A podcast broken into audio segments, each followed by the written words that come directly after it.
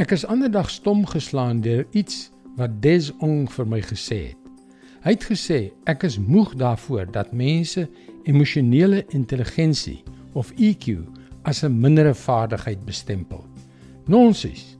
Emosionele intelligensie is jou superkrag, beslis. Hallo, ek is Jockey Gouchee vir Bernie Diamond en welkom weer by Vars.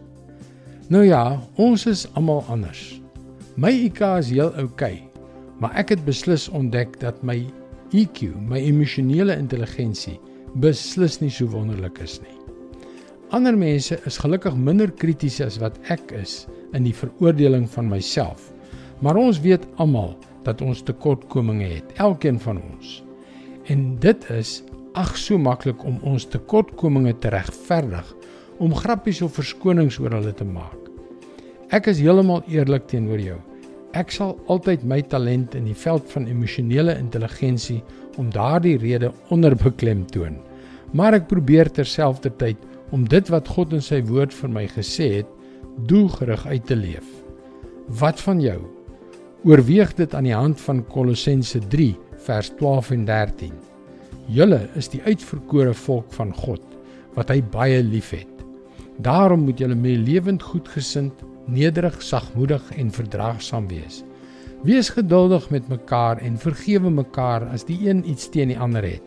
Soos die Here julle vergewe het, moet julle mekaar ook vergewe.